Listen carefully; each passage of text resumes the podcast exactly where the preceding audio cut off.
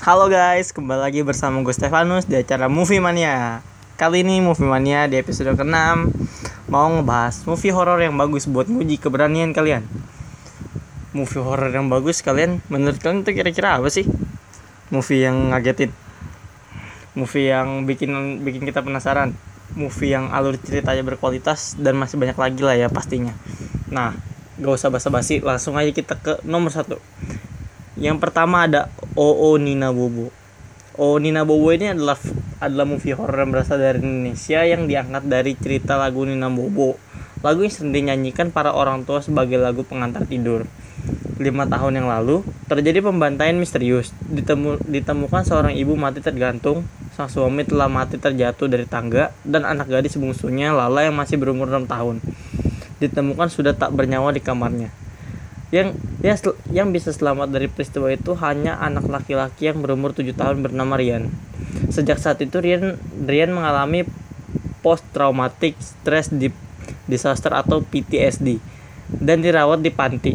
Kondisi kondisi emosinya labil dan sering kali mengalami mimpi buruk. Perlahan perlahan Rian menutup dirinya dan melakukan fi, fiksasi terhadap trauma yang dialaminya. Rian Rian bersikap seakan-akan dia lupa terhadap semua peristiwa tersebut. Lima tahun kemudian hadirlah Karina, psikiater yang yang sedang mengambil tesis S2 dan menjadikan Rian Rian yang sudah berumur 12 tahun sebagai objek penelitiannya. Sekalipun Rian dianggap normal dan siap melakukan dan siap dikeluarkan dari panti, tetapi Karina ingin melakukan eksperimen terakhir dengan mengajak Rian kembali ke rumahnya yang yang lama karena Karina sangat percaya pada teori empirisnya bahwa salah satu cara paling efektif untuk mengatasi PTSD adalah mengajak korban ke lokasi dan dia harus belajar menghadapi situasi yang bisa memancing traumanya. Sekalipun banyak seniornya yang meng mengkhawatirkan treatment ini, tapi karena bersikeras Karina bersikeras bahwa ia bisa melakukannya. Jika Rian tetap bersikeras bersikap normal, maka berarti maka berarti Rian memang sudah berhasil menghadapi traumanya. Sahabat sahabatnya Bams mengatakan tentang pengakuan Rian pada awal pemeriksaan dan menceritakan ada kemungkinan keterlibatan makhluk lain di rumah tersebut dan menjadi penyebab kematian keluarganya. Mendengar hal itu karena karena tetap tidak percaya dan tidak percaya sama sekali dan tetap bersikap skeptis.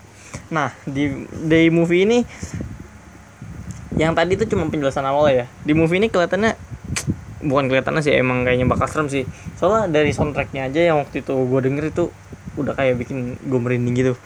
Dan dan lagi tuh kayak ada hal-hal yang gimana gitu ya? Sesuatu yang bikin kita penasaran tapi kayak ditutup-tutupin terus ntar endingnya keungkap-ungkap juga.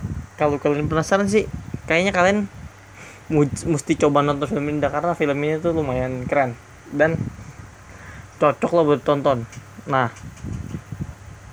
Nah nggak perlu basa-basi. Kita lanjut ke yang kedua. Yang yang kedua ada The Conjuring. Pada tahun 1000 pada tahun 1971 Carol, Caroline and Roger dan Roger Perron pindah ke sebuah rumah pertanian tua di Hartsville, Rhode, Rhode Island. Bersama kelima putri mereka tiga dua satu. Dua The Conjuring. Pada tahun 1971 Caroline dan Roger Perron pindah ke sebuah rumah di pertanian tua di Hartsville Rhode Island bersama bersama dengan kelima putri mereka. Selama hari pertama kepindahan keluarga ini berjalan sangat lancar. Meskipun anjing mereka Sadie menolak untuk masuk ke rumah dan salah satu anak perempuan mereka menemukan sebuah pintu masuk ke ruang bawah tanah. Keesokan paginya, Caroline, Caroline bangun dengan memar misterius di yang dan menemukan Sadie tergeletak mati di luar rumah.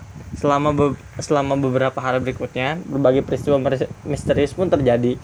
Peristiwa ini memuncak pada suatu malam saat Roger Roger berada di Florida. Caroline terkunci di ruang bawah tanah dan dan sesosok makhluk gaib seperti seorang wanita tua menyerang menyerang salah satu putrinya.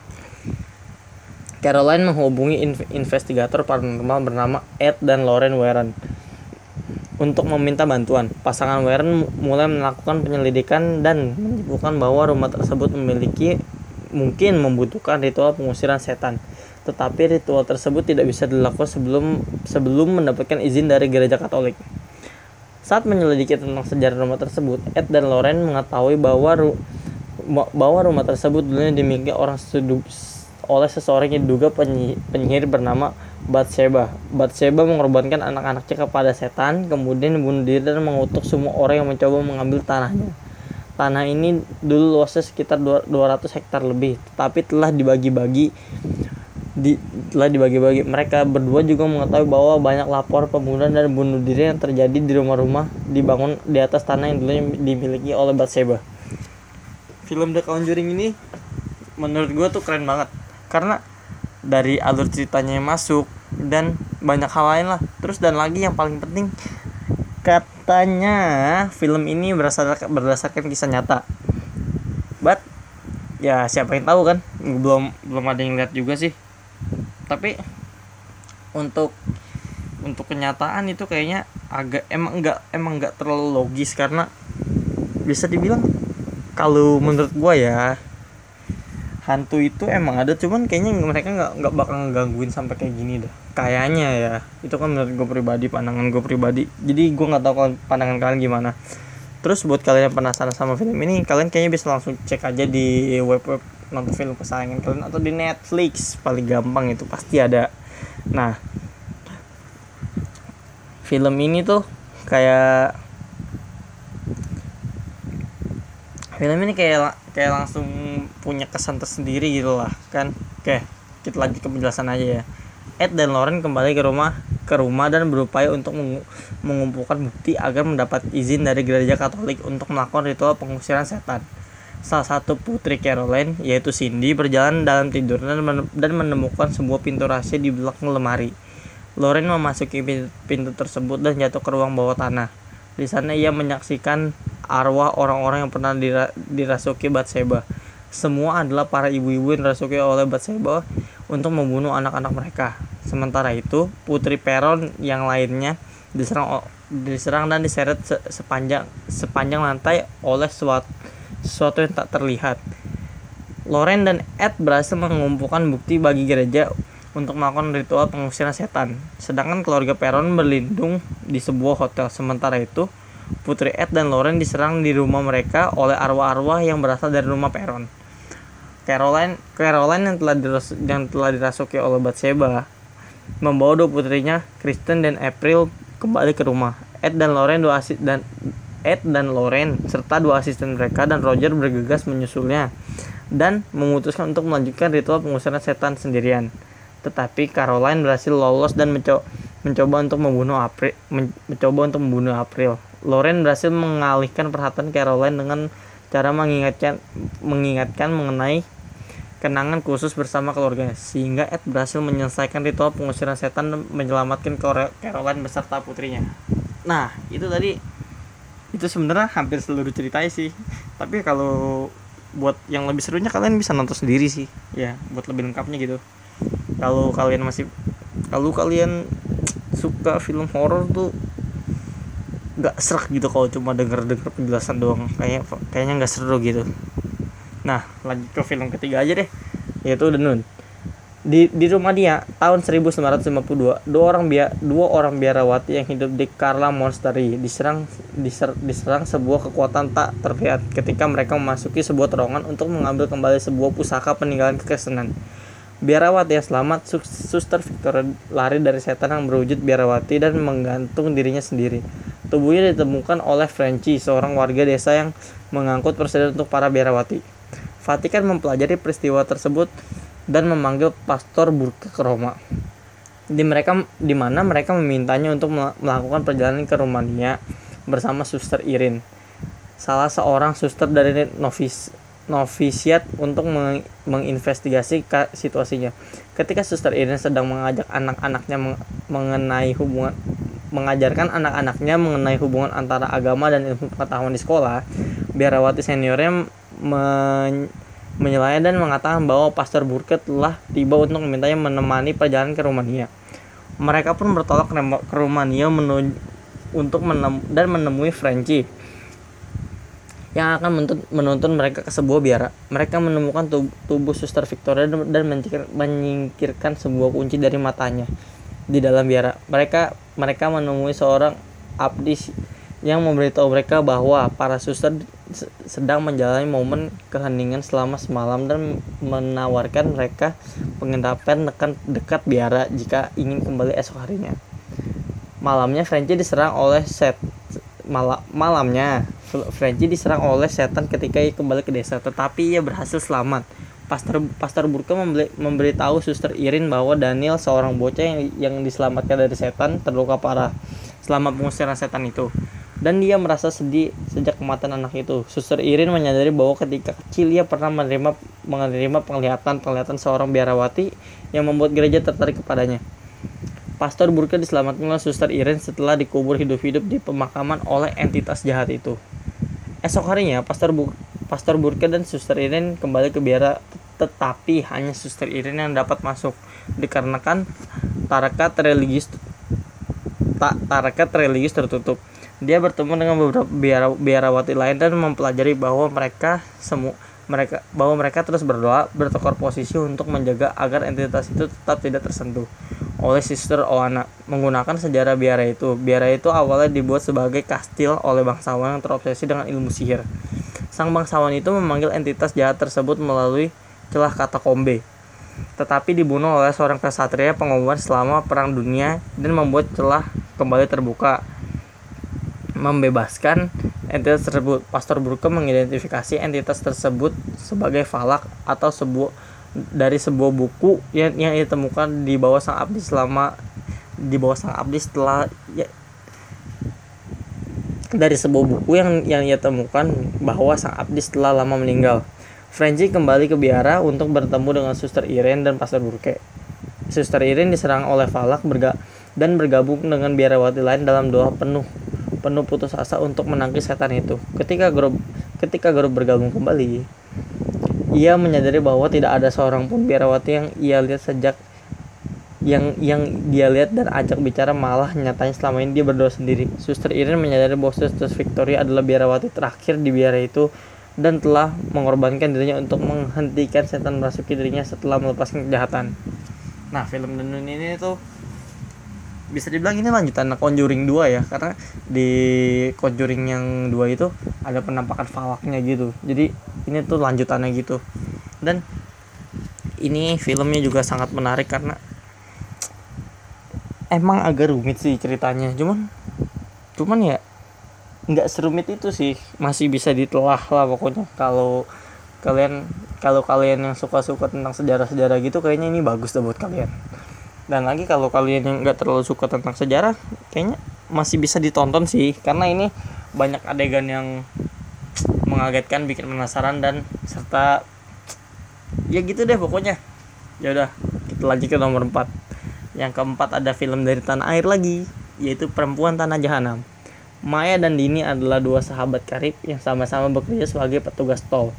Suatu suatu malam, Maya bercerita, bercerita kepada Dini melalui telepon tentang seorang pengemudi misterius yang selalu melihat setiap malam dengan tatapan tajam. Yang tentu saja membuat Maya takut di di tengah membuat Maya takut. Di tengah percakapan, pengemudi pengemudi misterius yang mereka bicarakan kembali melintas jalan tol dan mengamati Maya. Maya merasa ada sesuatu yang tidak beres kemudian memberitahu Dini. Setelah melintas, pengemudi itu berhenti di tepi jalan untuk kembali ke pos ke pos Maya dengan beberapa pertanyaan. Sesaat setelahnya, pengemudi itu kembali ke, mo ke mobil mengambil sebilah golok dan berusaha menyerang Maya. Histeris, Maya berupaya melarikan diri ke keluar pos. Pengemudi itu berhasil melukai Maya di bagian paha dan paha dengan golok. Sebelum akhirnya polisi menembak matinya.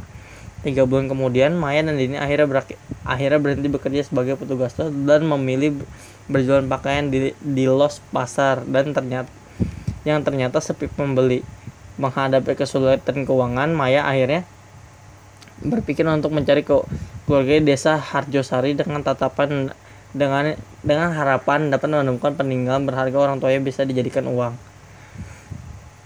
Ketika ketika Maya senang buat air kecil di toilet pasar, ia mendapati secari kertas yang muncul dari luka sayatan golok luka sayatan golok malam itu. Maya kemudian memotret kertas itu lalu membuang ke toilet. Tiba-tiba saat tiba-tiba saat saat Maya dan ini memulai perjalanan mereka ke desa Arjusari, menempuh perjalanan transit di terminal kawasan itu. Dalam perjalanan, Maya berkenalan dengan seorang dosen sastra bahasa Rusia. Dan ternyata yang ternyata juga tahu hal-hal gaib melalui pria itu Maya akhirnya mengetahui mengetahui kertas yang di yang di dalam kulitnya itu merupakan jimat pelindung dari makhluk halus yang dulu dari da, dari dalam bahasa Jawa kuno. Menurutnya jimat itu jimat itu dibuat oleh orang yang sangat orang yang sangat jahat. Di sepanjang jalan Maya dikejutkan oleh dua tiga orang gadis ke, tiga orang gadis kecilan terus menerus muncul. Setibanya di terminal, Maya mengalami kesulitan sebab tidak tidak banyak penarik delman yang mengetahui desa Arjosari. Beruntungnya ada salah satu penarik delman yang bersedia menghantar ya mereka walau harus membayar mahal. Setibanya di sana, mereka disambut tatapan dingin warga sekitar. Maya kemudian meminta diturunkan di rumah kepala desa, kepala desa Arjosari Ki Saptadi seor yang sekaligus da seorang dalang terkenal. Setibanya di rumah itu, Maya dan Dini tidak dapat bertemu dengan Ki Saptadi, melainkan hanya bertemu seorang wanita tua bernama Nyi Misni, ibunya Ki Saptadi. Untuk menghindari kecurigaan, Maya mengaku sebagai mahasiswa yang sedang melakukan penelitian kesenian, khususnya profesi dayang profesi dalang wayang kulit. Ki Saptadi sering berpergian ke desa lain untuk melakukan pekerjaan lain, yaitu sebagai dalang wayang kulit. Nah, di film Perempuan Tanah Jahanam ini film dari Indonesia. Nah, kalau menurut gue ini filmnya serem banget sih karena di film Indonesia tuh pemerannya tuh orang-orang Indonesia juga jadi kayak lebih berasa gitu film ke kita langsung kan. Terus di film ini juga masuknya film thriller sih karena ada beberapa adegan yang kayak potong-potongan gitu lah mutilasi mutilasi dan lain-lain lah. Terus buat kalian yang suka sama film-film kayak gini tuh film-film yang kayak gini itu bagus. Nggak bagus sih sebenarnya.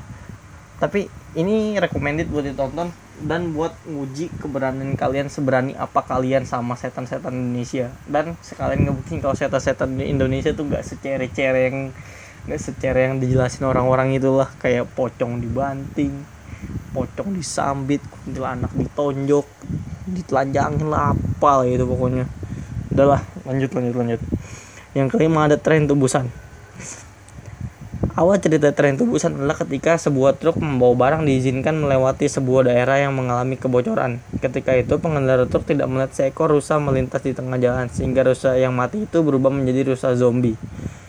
Seokwo, Seokwo, seorang manajer keuangan adalah keuangan sebuah perusahaan berangkat ke Busan bersama anaknya Suan untuk bertemu dengan ibunya sebagai hadiah ulang tahun anak perempuannya. Xiokwo yang baru saja ber bercerita dengan istrinya berangkat dengan KTX kereta api tercepat di Korea dari Seoul bersama para penumpang lain. Ketika mereka ketika kereta akan berangkat, seorang wanita dengan luka di kakinya masuk ke dalam kereta tersebut.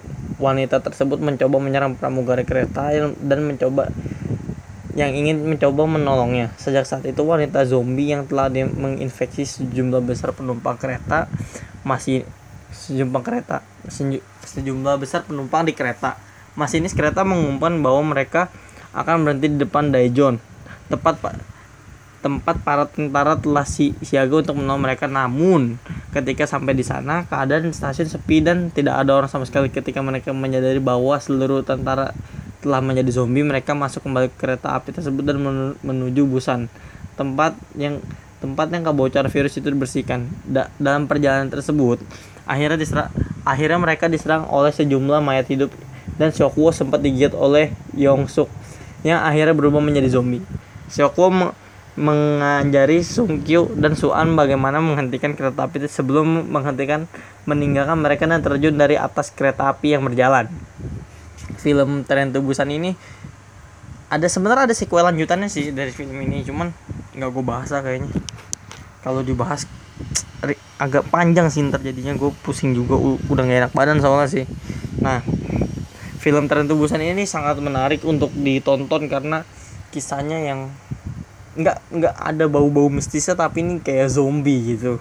Kayak lebih ke zombie atau yang lain-lain jadi nggak ada setan atau ritual-ritual gitu. Dan ini tuh kayak filmnya World War Z sih yang versi Indonesia nya tuh kayak zombie kak atau Left 4 Dead kayak gitulah. Ini recommended banget lah buat kalian. Ya udah sampai sini dulu aja kali ya. Gue juga udah nggak terlalu konsen sih dalam materi kali ini. Ya udah buat kalian selalu jaga kesehatan selalu cuci tangan jangan lupa pakai masker kalau ke mana-mana jaga jarak dan pokoknya gitulah. Ya udah see you and bye bye